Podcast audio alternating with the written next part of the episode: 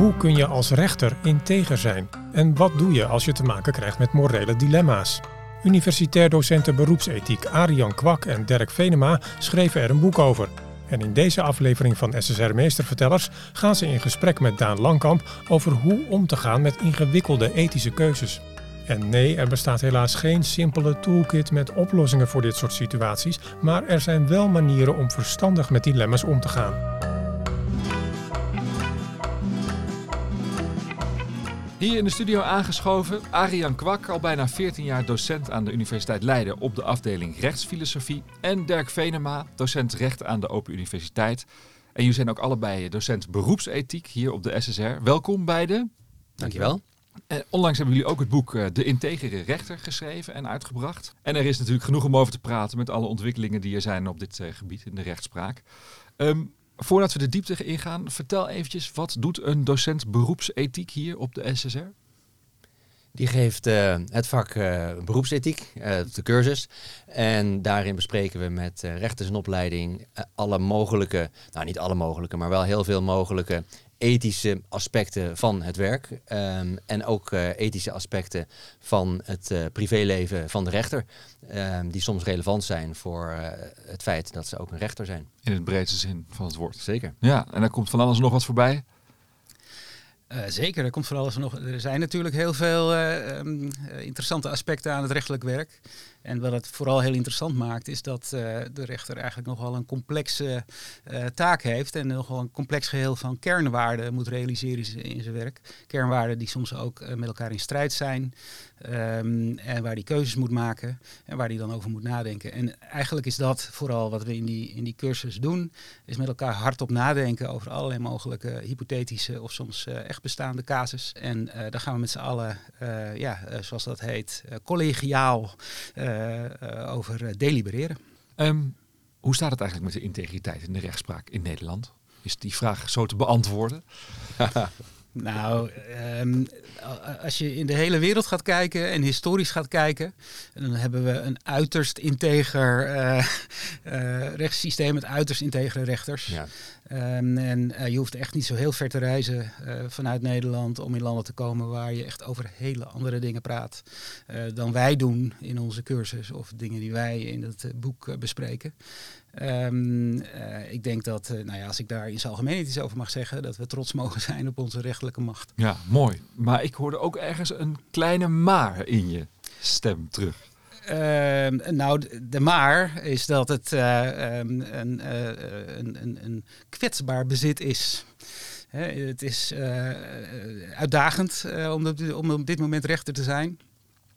Ik heb uh, eh, 15 jaar geleden ben ik gepromoveerd op een proefschrift waar uh, ik uh, voor ben uitgedaagd door mijn promotoren om te onderzoeken hoe de habitus, de, de, de, plek waar de rechter werkt, zich heeft ontwikkeld in de afgelopen jaren. En dan is de conclusie dat het een stuk complexer geworden is dat er meer waarden zijn waar rechters aan worden getoetst. en dat daar ook meer innerlijke tegenstrijdigheden zijn ontstaan. met name, en dat is een, een hot topic, een gespreksonderwerp ook in onze bijeenkomsten, de efficiëntie die er van rechters wordt gevraagd. En um, dat, dat, dat, dat verhoudt zich natuurlijk moeizaam tot de kwaliteit die we ook van rechters willen. Met betrekking tot de zorgvuldigheid van, van de beslissingen die ze nemen. Um, kunnen jullie eens een voorbeeld noemen van een casus waar het helemaal mis is gegaan met, met de integriteit in Nederland? Van nou, de, de, integriteit van de rechtspraak. Ik noem het maar even in het Ja, maar dat, is, dat is een goed onderscheid inderdaad. Want um, je hebt aan de ene kant de integriteit van de afzonderlijke rechter, aan de andere kant de integriteit van de rechtspraak als institutie, uh, die geschonden kan worden door uh, het handelen van mensen die daar binnen werken. Um, en het hoeft niet zo te zijn dat afzonderlijke rechters echt niet integer hebben gehandeld, om toch uh, te kunnen spreken van een, een, schending van de integriteit van de rechtspraak op zich, omdat dat te maken heeft met um, ja, hoe zien mensen dat uh, van buiten. Hè? Bijvoorbeeld heeft het, het gezag van de rechter misschien echt een, een knauw gekregen uh, in bijvoorbeeld die toeslagenaffaire. Ja, maar zeggen, dat is een, je, hebt een hele duidelijke casus in je hoofd, maar dat de toeslagenaffaire is. Ja, bijvoorbeeld. Hè? Dus, dus daar is echt het imago van de rechtspraak toch wel eventjes um, uh, geschaad.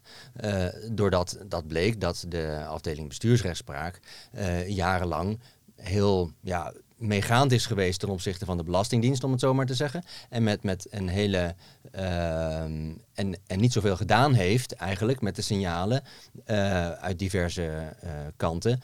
Uh, dat die uitspraken misschien toch wel heel erg onevenredig nadeel toebrachten aan de, de mensen in kwestie. En, en dat is pas later naar boven gekomen. En, en toen zag je natuurlijk ook dat ze, dat ze daarmee meteen een enorme omslag hebben proberen te maken, ook in hun uh, eigen uh, werkwijze bij de afdeling. En ook natuurlijk door die hele reflectieoperatie die ze toen op touw hebben gezet, te laten zien, kijk, wij zijn wel degelijk integere, betrouwbare rechters. Want dat is natuurlijk een van de fundamenten voor de, voor de rechtspraak, dat het gezag heeft. Dat de mensen die een conflict hebben, um, nou ja, graag is een groot woord, maar in ieder geval naar de rechter willen gaan om dat conflict uh, op te lossen. Ja, gekend worden in hun probleem. Precies, precies. Ja. En, en als ze het gevoel hebben, ja, ik heb een probleem met, met, een, uh, met een overheidsinstantie, maar ja, als ik naar de rechter ga, dan krijgt die overheidsinstantie toch wel gelijk. Ja, dat moeten we natuurlijk niet hebben. En, en dat, dat is uh, nu geprobeerd om dat te repareren. Wat vinden jullie van die reflectie? Um, nou, reflectie is altijd goed. Hè. Dat is ook precies wat we in de, in de cursus doen. Uh, wat wij vanuit de universiteit ook natuurlijk heel graag uh, willen vertellen. Het is ons uh, beroep.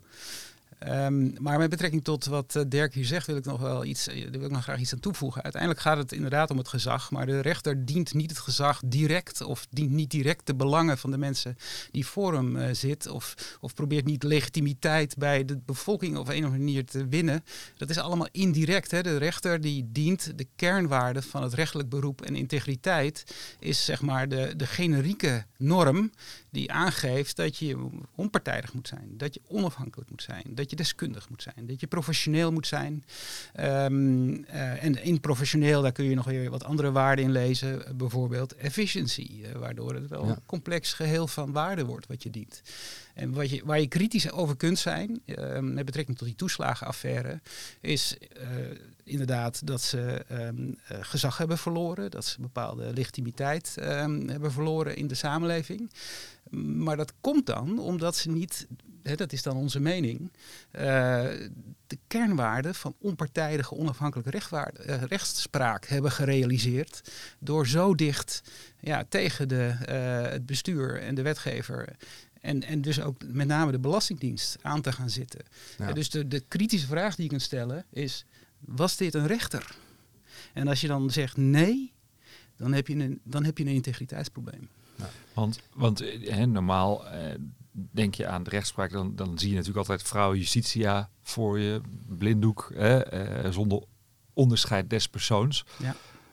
Maar dat is dus hier niet helemaal, de, is een soort ja. uh, blik onder de of kan ik dat niet zo zeggen? Blik nou, onder de blinddoek doorgegaan? Nou, dat, dat niet zozeer. Ik, ik denk dat, uh, dat uh, de blinddoek juist uh, te dik was, misschien zou je kunnen zeggen, als we in deze metafoor willen blijven doorgaan. Um, maar het is natuurlijk ook heel verleidelijk als je eenmaal een, een, een vrij eenvoudige manier hebt om een bepaald soort zaken af te doen. Um, en dat is heel efficiënt. Dan, dan, dan is het heel, dus heel verleidelijk om daarmee mee door te gaan. En, uh, je kijkt gewoon naar wat heeft de voorganger gedaan, wat, wat zijn onze reguliere beslissingen hierin geweest. Precies, okay, precies. dat doe ik ook. We hebben een lijn en die zetten we door. En uh, uh, als je dan elke keer opnieuw moet gaan nadenken, is die lijn wel goed in dit, in dit bepaalde geval? Dat kost natuurlijk extra tijd en dan moet je overleggen en dan moet je misschien weer een, een, de lijn bijstellen of een andere lijn daarnaast uh, bedenken. Dat is niet zo efficiënt. En uh, nou ja, de, de overheid is, is, is buitengewoon content met de, de, de zeer efficiënte uh, rechtspraak, ook met name van de, van de afdeling bestuursrechtspraak. En die heeft ook een, daar moeten we er misschien wel bij zeggen, die hebben een, een relatief grotere ondersteuning um, dan bijvoorbeeld de Hoge Raad. En dus die, die kunnen ook um, misschien efficiënter werken. Maar ja, als je daar dus te zeer op gefocust bent, dan, dan raken zaken als ehm, ongelijke gevallen ongelijk behandelen een beetje, een beetje buiten, buiten de blik. Dan ga je te veel zaken als gelijke gevallen zien, die allemaal ehm, op dezelfde manier door de molen kunnen. En dan ben je snel klaar. Ja, ja, ja. En het lastige voor die ehm, de rechters in de afdeling bestuursrechtspraak is natuurlijk ook dat ze zitten in, in een in een staatsrechtelijk eigenlijk een beetje een rare situatie. Hè. Ze maken geen deel uh, uit van de rechterlijke macht, maar er zijn, zijn een soort van uh, aanhangsel daarbij. Ze zitten bij de Raad van State, uh, waarvan de andere helft het doet aan wetgevingsadvisering.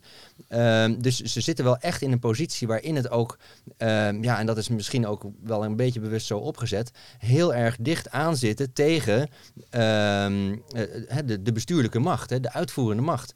En dat is voor, een, voor de onafhankelijkheid van, uh, van de rechtspraak misschien gewoon niet de ide ideale situatie. Um, kan dat altijd? Kan een rechter altijd onafhankelijk zijn?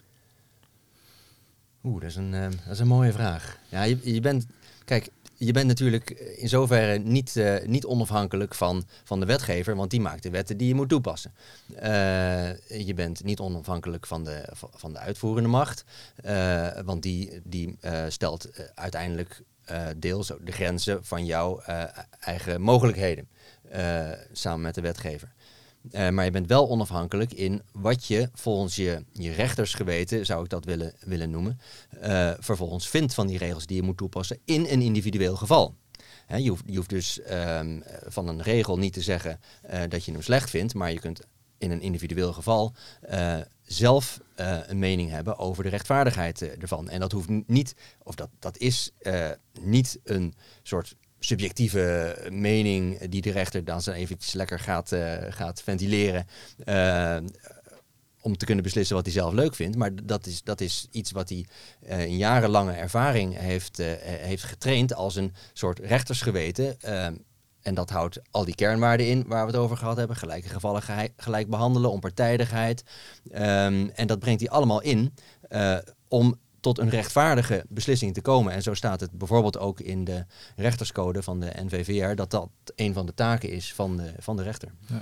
Ik denk dat je wel uh, zeg maar onafhankelijkheid uh, moet begrijpen in, de of in, in samenhang met onpartijdigheid. Ja dus ook een van de dingen waar we het vaak over hebben. Uh, waarom moeten ze onafhankelijk zijn? Nou ja, omdat ze anders niet als onpartijdig kunnen worden ervaren. Ja. En dan is het volgende punt eh, dat, je, dat het gaat om de ervaring uh, niet alleen van de rechtszoekenden, maar eigenlijk van de samenleving als geheel, het hele publiek. Het gaat om het beeld dat daar is van een rechter die onpartijdig kan zijn omdat hij onafhankelijk is. Ja, die onpartijdigheid die wordt nog wel eens in twijfel getrokken laatst. Met name als er, onafhankelijk, als, er, als, er, als er vragen zijn over de onafhankelijkheid. Maar, um, en de vragingsverzoeken, nou ja, zijn er nog wel eens de laatste tijd? Uh, ja, um, en uh, dat heeft zeg maar in de beeldvorming, denk ik, of misschien dat is deels um, verklaard door de, door de beeldvorming die rond de Wildersprocessen is ontstaan. Ja. En uh, ja, dat, dat waren natuurlijk hoofdpijndossiers uh, voor de rechterlijke macht. Dat daar een politicus zit die er gewoon ronduit politiek gaat zitten voeren voor, voor, voor, voor het rechterlijk college. Ik kan me ook wel voorstellen dat, dat het je iets doet als rechter als je gevraagd wordt. Zeker. Je, je, ja. je, professionaliteit, waar we het net over hadden, ja. die wordt in twijfel getrokken. En je collega's die moeten dat vervolgens gaan beoordelen, of dat uh, juist was of niet. Dat is toch altijd wel eventjes een, uh, ja, een penibel uh, moment. Zijn dat ook dingen die jullie bespreken in, in, hier op, SS, op SSR? Zeker, ja. ja zeker. Ja, en en wat, wat hier natuurlijk speelt is inderdaad dat als je inderdaad um, wraking toewijst als wrakingskamer, dan Um, dan uh, is dat natuurlijk naar de gevraagde rechter toe heel pijnlijk. Uh, kan ook uh, binnen de recht, uh, rechtbank of tussen rechtbanken onderling, als de wrakingskamer elders is georganiseerd. Dat, dat, dat is natuurlijk een slimme manier om een beetje te voorkomen dat daar toch weer het beeld ontstaat. Dat de slager zijn eigen vlees ja, keurt. dat de, dat de slager zijn eigen vlees keurt. Ja. veel wrakingsverzoeken worden natuurlijk afgekeurd. Ja. En dat wekt ook meteen het wantrouwen van ja, natuurlijk, ja, die rechters die ja, allemaal. Zou, er, zou er niet een soort externe wrakingskamer moeten zijn, een soort losstaand orgaan? Ja. ja, die ingevlogen kan worden bij elke uh, wraking, ja.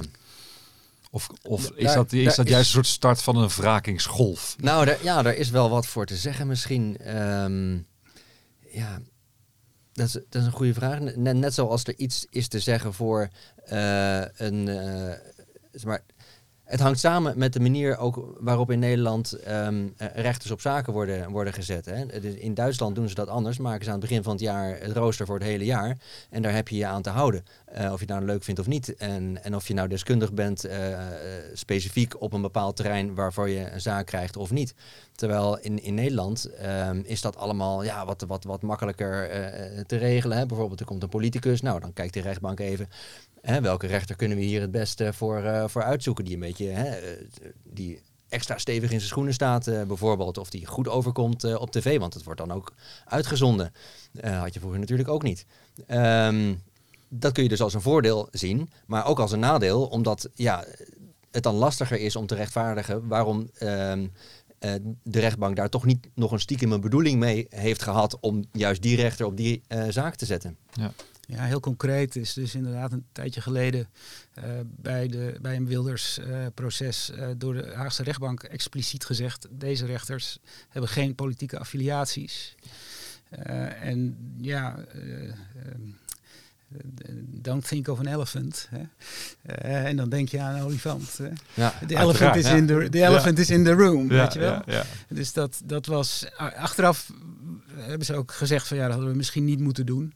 Maar je ziet dat er gezocht wordt naar hoe moeten we hier nou verstandig mee omgaan. Ja. En, uh, en daar is denk ik wel veel geleerd inmiddels, maar het blijft, het blijft gewoon heel moeilijk. Wat eigenlijk als, als iemand die uh, voor de rechtspraak of voor het OM werkt, zelf voor de rechter komt. Ik kan me voorstellen dat dat soort zaken ook bij jullie langskomen.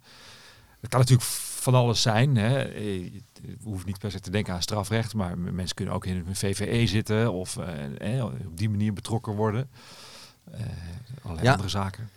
Ja, een rechter kan natuurlijk, uh, zou ook als getuige opgeroepen kunnen worden in een rechtszaak. Dat zou, allemaal, uh, allemaal kunnen. En als een rechter zelf een uh, conflict heeft met, met de gemeente, ja, dan heeft hij natuurlijk ook het recht om dat aan de rechter voor te leggen. dat is natuurlijk wel lastig, want dat kan dan niet bij zijn eigen ehm, rechtbank. Hè, dus dan moet er wel, wel even een goede vorm voor gevonden worden. En dat, dat, dat wordt dan ook gevonden. Maar ehm, een rechter zou ook bijvoorbeeld als... als um, uh, als dochter of moeder of, of, of zus of broer mee willen gaan met, uh, met iemand die een rechtszaak heeft. En dat moet natuurlijk ook kunnen. Ja. Uh, Krijg hoewel... je daar ook veel vragen over? Van goh, hoe moet ik me dan opstellen? Moet ik dat direct bekend maken? Hè? Je hebt toch bepaalde kennis, een bepaald netwerk. Ja, nou, dit, dit wordt regelmatig besproken. Um, inderdaad is het niet eenvoudig om de juiste houding aan te nemen. Er zijn bepaalde dingen waarvan we zeggen als we zo'n gesprek voeren met z'n van nou dat kunnen we eigenlijk maar beter niet doen. Uh, gewoon echt uh, zeg maar voor zo'n VVE als advocaat, als procesvertegenwoordiger gaan optreden. dat, dat, dat is niet verstandig. Ehm, en dan is er een grijs gebied en dan zijn er een heleboel dingen die wel kan. Eh, kunnen. Je kunt inderdaad wel in de zaal gaan zitten als een familielid ergens iets ergens mee te maken heeft. Maar um, wat is dan met name het probleem? En dat is natuurlijk altijd wel belangrijk om dan te gaan aanwijzen van wat is hier nou het probleem? En dat is dat er toch bij anderen, vooral bij de wederpartij, het gevoel kan ontstaan. oh ja, maar daar zit een rechter en daar zit een rechter. Nou, het is al besloten. Ja, handje klap. Handje klap, natuurlijk. Die kennen elkaar, die spreken elkaar op de gang. Die, die heeft een speciaal lijntje met deze mensen. Eén pot nat. Ja. En hoe ga je daarmee om dan? Wat, nou ja, wat zijn jullie tips? Dat beeld nooit, nooit, nooit uh, uh, creëren. En dat betekent dus dat je wel een zekere afstand moet houden. Uh, als je dit realiseert, dan denk ik dat het ook wel lukt om, om de juiste afstand te houden. Dus het is ook eigenlijk misschien wel een belangrijke tip om juist van tevoren na te denken van goh, ga ik in conflict komen hierover en hoeveel, hoe ver wil ik het laten gaan? Uh, ja. wat is, dat zijn allemaal afwegingen waar je dus goed over na moet denken. Uh, ja, en dat gebeurt ook wel. Ja. Uh, dat, dat, dat bewustzijn is er zeker en er wordt ook naar gehandeld. Kan je ook te ver doorslaan in dat ethische handelen, in dat nadenken over hoe ben ik zo integer mogelijk? Ja, zeker. Je zou bijvoorbeeld kunnen zeggen, ik, uh, nou, waar we het net over hadden, ik uh, ambieer geen enkele nevenfunctie. Ik doe alleen maar dat rechterschap en verder helemaal niets. Ik uh, beperk mijn, mijn vriendenkring extreem en ik ga alleen maar met rechters om of zo. Eh, dat zou kunnen. Ehm, maar ja, dat lijkt mij niet wenselijk. Dat is heel krampachtig uh, natuurlijk. Hè. Je, je, moet juist uh, als rechter ook je vrij kunnen voelen om je in de samenleving te begeven en mee te doen op de manieren die je dat wil. Alleen, het rechterschap blijft natuurlijk wel een beperkende factor voor wat je allemaal zou, kunnen, zou kunnen doen. Hè. Het is de vraag of je bijvoorbeeld in een café moet, moet gaan zitten waar um, oogluikend uh, wordt toegestaan dat er gerookt wordt. Um, laat staan dat je daar misschien zelf ook een sigaret zou gaan opsteken. Dan, dan wordt het een, een, beetje lastiger natuurlijk, want dan zien mensen misschien de rechter daar een beetje de, ja. het rookverbod zitten misschien, overtreden. Misschien toch maar even niet langs die buurman die zelf illegaal vuurwerk koopt bijvoorbeeld. Nou ja, dat, dat is heel lastig. Hoe ga, hoe ga je om met, met mensen die zelf het minder nauw nemen met de regels? Hè? Bijvoorbeeld, of, of als je een, een, een familielid hebt dat um, ja, bijvoorbeeld uh, allerlei uh, fraude pleegt met, met uitkeringen of zo. Ja. Um, ja, je moet met je familieleden om, om kunnen blijven gaan. Um, uh, aan, aan de andere kant, als het, afstand houden. Als het, als het al, te, al te draconische vormen aan gaat nemen, dan wordt dat, wordt dat wel lastig natuurlijk. Ja. ja. Het lijkt me wel bijzondere discussies die je dan voert samen in die cursus. Ja, het kan soms heel persoonlijk en heel, uh, heel lastig worden. En wat vooral ook wel, wel belangrijk is, denk ik, um, is dat er toch ook vrij snel in zo'n discussie al wel het besef komt dat uh, je soms een gulden middenweg kunt vinden. Mm -hmm. Maar dat er ook een heleboel gevallen zijn dat, er, dat, er, dat je moet kiezen. Hè? Uh, en, en, soms echt tussen twee kwaden. En dan wordt het echt een kwestie van, ja, wat is het minste kwaad? Ja. En dan zullen beide um, um, keuzes zullen uiteindelijk misschien wel de nodige schade kunnen toebrengen, omdat je gewoon geen alternatieven hebt. Uh, en dat zijn de allermoeilijkste discussies. Hoe kunnen we de schade beperken die ja. hier uh, mogelijk ontstaat? En wat, wat, wat zeggen jullie dan? Leg het aan beide kampen goed uit. Voor jezelf, voor de ander. Ja, bijvoorbeeld uh, bespreek het met je leidinggevende. bespreek het met collega's. Ehm, dat is sowieso natuurlijk heel belangrijk. Hè? Dus dat er op een, uh, op een rechtbank een, een, een open uh, sfeer en cultuur bestaat. Uh, waarin het heel gewoon is om allerlei ethische lastige zaken te bespreken. Ehm, zodat je er niet alleen mee blijft zitten en, en dat andere mensen ja, daar ook je kunnen helpen om het op te lossen. Um, en nou ja, zoals Ariane net al zei, beroepsethiek is niet een, een soort uh, toolkit met, uh, uh, met handreikingen om altijd de juiste altijd, oplossing te dit vinden. Is, dit is de hamer, alsjeblieft. Nee, nee, nee, nee, het, het, het, is geen stappenplan om altijd uit te komen bij het juiste antwoord. maar het is wel een, bijvoorbeeld de verschillende ethische benaderingen die dan wel eens die dan langskomen op zo'n op zo'n cursus. utilisme of de Kantiaanse ethiek of andere benaderingen. Die kunnen allemaal helpen om bepaalde aspecten van een probleem in, in, in beeld te brengen. En daarop in te zoomen en te kijken, oh ja, dat was er ook nog. Ja. Um, laatste vraag. Wat zijn nou hands-on adviezen? Jullie hebben er al een heleboel gegeven, maar misschien dat er toch nog eentje opduikt. Wat zijn nou hands-on adviezen die jullie de mensen in de cursus geven? Zijn er, zijn er algemene tips? Hè? Want jullie noemden net al van, nou ja, ga er in ieder geval veel over praten. Bespreek, bespreek veel. Ja, zeker. Zijn ja. er nog meer van dit soort goede tips waar mensen eh, iets mee kunnen? Nou, blijf altijd zelf nadenken. Hè, um, uh, pas op voor uh, automatisme en, uh, automatisme en, en, en efficiënte werkwijzen die heel prettig zijn, maar waardoor je in een, in een groef kunt blijven steken, waardoor je mogelijkerwijs een, een beetje de, de blik op de diversiteit van, het, van, van de zaken zou kunnen verliezen. Nou, ik vertel wel eens over de metafoor van de ge, uh, gekookte kikker. Ik weet niet of je die metafoor ja, zeker, kent. Ja, hoe warmer het wordt. Uh, hè, dus een als kikker het die gebeurt, dan precies, als het maar heel geleidelijk warmer wordt, hè, de, de, de, dan, dan zal je je steeds een beetje aanpassen. En dan is het verhaal dat een kikker zich zal laten doodkoken. Uh, wat niet waar schijnt te zijn. Dus ik wil graag nog even bevestigen ja, dat kikkers wel degelijk op tijd uit die, uit die, ja. uit die hete pan zullen springen. Maar de metafoor is wel iets waar wij mensen ons um, iets van kunnen aantrekken. Hè. Dat inderdaad wij, als we heel geleidelijk ons steeds weer aanpassen, dat we uiteindelijk misschien in een situatie terechtkomen waar we nooit voor hadden gekozen als we daarover na hadden gedacht en, um, en echt voor keuze waren gesteld. Dus dat is wel iets waar, hè, in, in aanvulling hierop. Mm -hmm. Maar ja. het is best wel moeilijk om, om echt hele concrete hands-on uh, tips te geven. Nou, we hebben er al genoeg gehad, denk ik. Dus ja, we hebben, er, we hebben ze gehad. En uh, ik denk dat het misschien toch de, de kern is, uh, woordspeling. Blijf zicht houden op je kernwaarden. Ja. En realiseer dat daar spanningen zijn. En naarmate je daar ehm, beter snapt hoe die kernwaarden in concrete situaties ehm, eh, werken, en wat die vergen, eh, dan, dan, dan krijg je toch sneller eh, in beeld eh, wat er van jou op dat moment gevraagd wordt. Mooi gezegd. Helder. Dankjewel. Ja, met deze mooie woorden sluiten we af. Ontzettend bedankt voor dit gesprek. Ja, en voor wie meer wil weten over die integriteit in de rechtspraak, het boek van uh, Arian Kwak en Dirk Venema, dat is gewoon te bestellen en dat heet uh, De Integere Rechter. Dank jullie wel. Dit was SSR Meestervertellers. Blijf op de hoogte en abonneer je op deze podcast. Graag tot de volgende keer.